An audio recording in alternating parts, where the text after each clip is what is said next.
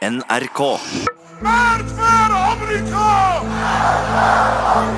Verd for Amerika! Den 3. januar bestemte Donald Trump seg for å drepe den nest mektigste mannen i Iran i et fjernstyrt droneangrep.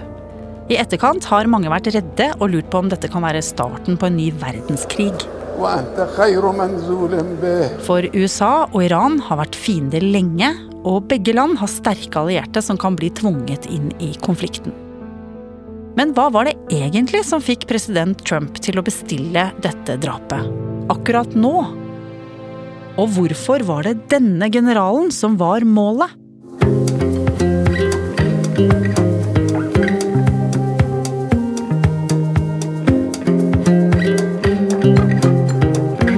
Hører på Oppdatert. Jeg heter Ragna Nordenborg.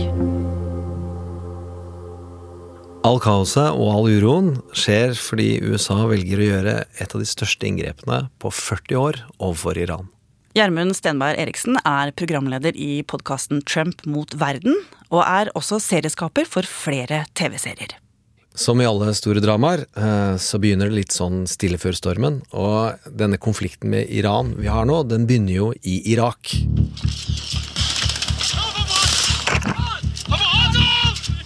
Hvor eh, både norske og amerikanske styrker eh, hjelper til med å slåss mot IS og iranske styrker. Og så eskalerer det med hendelser som stadig i større grad knyttes til Iran, og ender med at en amerikaner blir drept 27.12. Several rockets were fired into the base near Kirkuk that houses both Iraqi and US troops. Several service personnel were also injured.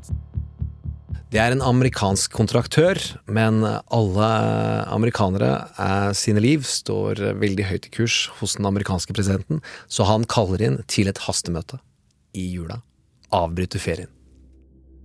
Han kaller inn til sitt favorittferiested, Mar-a-Lago i Florida, eh, forsvarsministeren, forsvarssjefen og utenriksministeren til et hastemøte for å eh, bli presentert for alternativer. Hva gjør vi nå? Og da får han eh, alternativer som vi har sett i begge deler, fiksjon og virkelighet. Eh, ta ut et rakettanlegg, eh, angripe en flyplass det, som er et militært mål.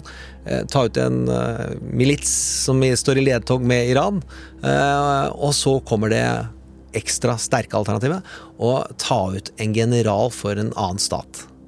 Og generalen det er snakk om, er generalmajor Qasim Soleimani. Sjefen for den iranske revolusjonsgarden, og den som hadde ansvaret for all aktivitet på utsiden av Iran. Blant annet skal han ha knytta til seg en rekke militser, altså uavhengige bevæpnede styrker som kan drive terror og krigføring mot amerikanske mål. Så Soleimani har vært et stort problem for USA lenge. Soleimani er 62 år gammel, slank med grått hår og er oftest avbildet i grønn militæruniform, og er kjent for å ha en gullring med en diger rød stein på høyre hånd. Og han er utrolig populær i Iran, og veldig uredd og skarp i uttalelsene sine. I et intervju i 2018 truet Soleimani Trump ved å si Iran følger med på alle bevegelsene du foretar deg. På steder du ikke engang kan forestille deg at vi er til stede. Og så minnet han om at de har noe som heter martyrdøden i Iran. Altså at Trump kan komme til å dø i en selvmordsaksjon. Så tilbake på Trumps luksusferiested i Florida, så får presidenten valget om han vil drepe Soleimani. Som er et av alternativene for å hevne denne amerikanske kontraktøren som er død. Det alternativet har eh, Bush og Obama også blitt presentert for, og det legges inn for at de andre valgene ikke skal virke så sterke. Så det er en, jeg holdt på å si, en slags retorisk effekt overfor presidenten? Ja, fordi Donald har ikke gått hardt ut mot Iran. Eh, han har gjort det med ord, men ikke i handlinger. Og forsvarsministeren og utenriksministeren og den tidligere sikkerhetsrådgiveren Bolton har alle ønsket en sterkere konflikt med Iran. Men han er den øverste lederen, så han skal også ha de mest markante alternativene, og til de svakere. Det skal være en skala. Hva går han for? Han går for et av de trygge. Eh, det som kalles et eh, proporsjonelt svar. Og er ikke for kraftig. The Pentagon says it carried out military strikes in Iraq and Syria targeting a militia group. Qatab Hezbollah, backed by Iran, is blamed for an attack last week that killed a U.S. civilian contractor at an Iraqi military base. Og så fortsetter ferien. Eh, De reiser hjem. eh, Og Donald er på Mar-a-Lago. eh, Og slapper nok av og golfer og tweeter som et uvær om Pelosi og impeachment-prosessen. Så han er mest opptatt av at han eh, er i ferd med å bli stilt for riksrett. Det kan du trygt si. Men så, etter noen dager, så skjer det noe som gjør at Trump blir misfornøyd med valget han tok om å hevne seg med bomber og raketter. Ja, Nå er vi på nyttårsaften, og hvor Donald Trump blir tydeligvis, ifølge New York Times, kontakta om å gå og se på TV. Bildene viser tusenvis av demonstranter utenfor den amerikanske ambassaden. Noen kaster stein over murene, andre setter fyr på en sikkerhetspost. Og den amerikanske ambassadøren blir evakuert. De som gjør dette, er folk som holder med Iran, og de protesterer mot Trumps hevnaksjon, bombingene. Og for Trump er det ingen tvil om at Iran har skylda og må straffes. Han sitter da og ser på TV sammen med masse rådgivere, ifølge New York Times, og hisser seg mer og mer opp. Jo lengre og drøyere de bildene fra ambassaden blir. For Donald så er dette svakhet. Så hva er det han gjør nå? Fly forbanna, sannsynligvis. Han vil ha det siste alternativet, det de andre presidentene tidligere alltid har valgt å ikke gjøre, fordi de overskuer ikke konsekvensene. Han vil ta ut Soleimani, og han vil gi eh, reaksjonen sin et ansikt. Så, 3. januar i år. Så vet USA at Soleimani har flydd til nabolandet Irak for å besøke en militsleder. Og det er på flyplassen i Bagdad, akkurat etter at Soleimani har landet og gått ut av flyet, at de har tenkt å drepe ham. Eh, Han går ut, setter seg i bilen og begynner å kjøre. Det er vel en svart bil, tror jeg. Det er det ofte på film også. Eh, Det han ikke veit, er at i Qatar så sitter da disse berømmelige amerikanske dronesoldatene som kontrollerer rakettene. Og De følger antageligvis med på satellittbilder og ser han gå ut av fly, sette seg i bilen og kjøre av gårde. Så sitter de nærmest som på et PlayStation-spill og styrer den raketten og ser den nærmer seg bilen. Og ser den eksploderer.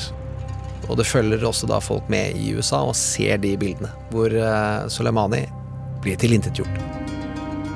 Det kommer raskt noen YouTube-videoer som jeg ikke sjøl orker å se, men som man, og man heller ikke bør google. Eh, og det kommer da et bilde av en hånd med denne ringen som han er kjent for.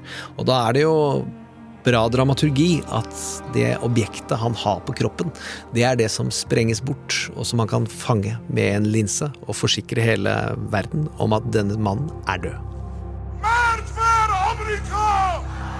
Our breaking news tonight is huge. A rocket attack on the Baghdad airport kills Iran's most revered military leader and a senior official in Iraq's paramilitary forces.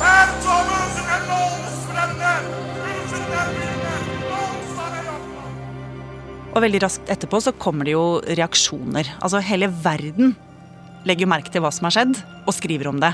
Og vi ser jo masse mennesker i Iran være fryktelig lei seg. Altså gatene fylles opp av sørgende mennesker.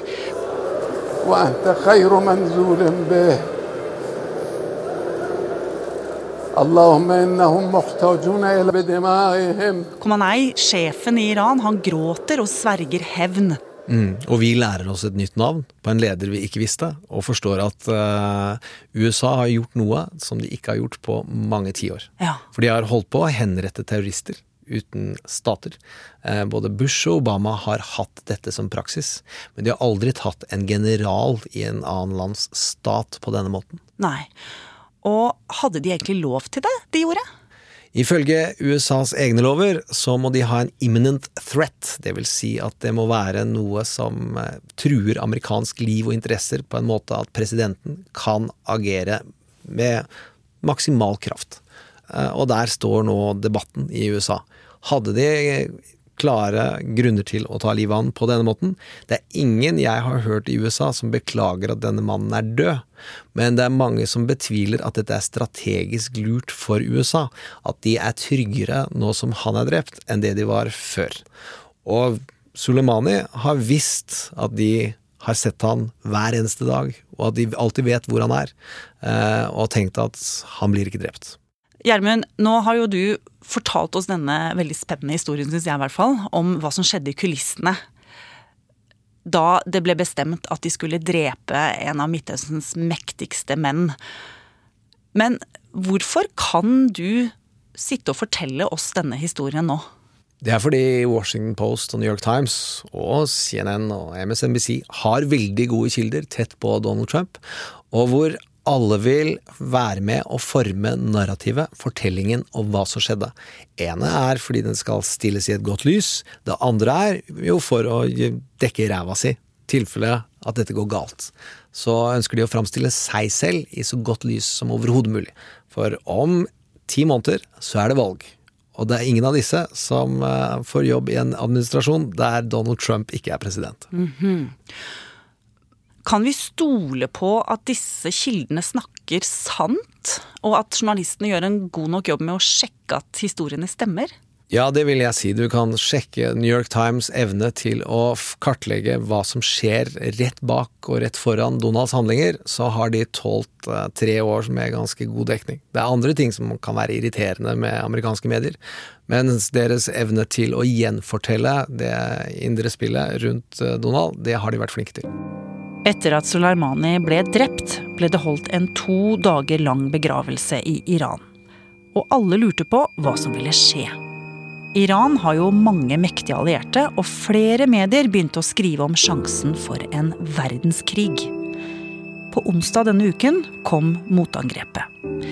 Iran sendte raketter mot en irakisk militærbase der det befant seg amerikanske og også norske styrker.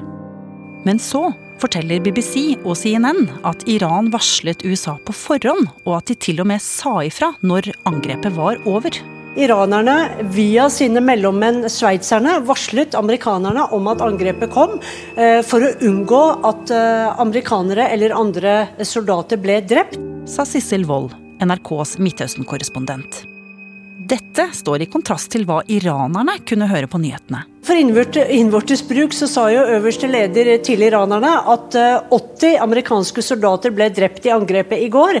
Eh, om alle tror på det, det vet vi ikke, men det er jo mange som ikke følger internasjonale medier. Uansett, angrepet var ikke så veldig stort, og Trump har roa ned retorikken sin. Så nå sier ekspertene at faren for krig er mye mindre. Likevel har nabolandet Irak sagt at de ikke lenger vil ha USA-ledede styrker i landet. Styrker som har vært der siden 2014 for å bekjempe IS sammen med bl.a. Norge. Så foreløpig ser det ut til at Trumps kontroversielle valg nyttårsaften ikke ble starten på en ny storkrig likevel. Hvis du vil høre mer om den langvarige konflikten mellom Iran og USA, anbefaler jeg podkasten Krig og fred, som hadde dette som tema denne uken. Let opp episoden som heter USA og Iran rett og slett traumatisk.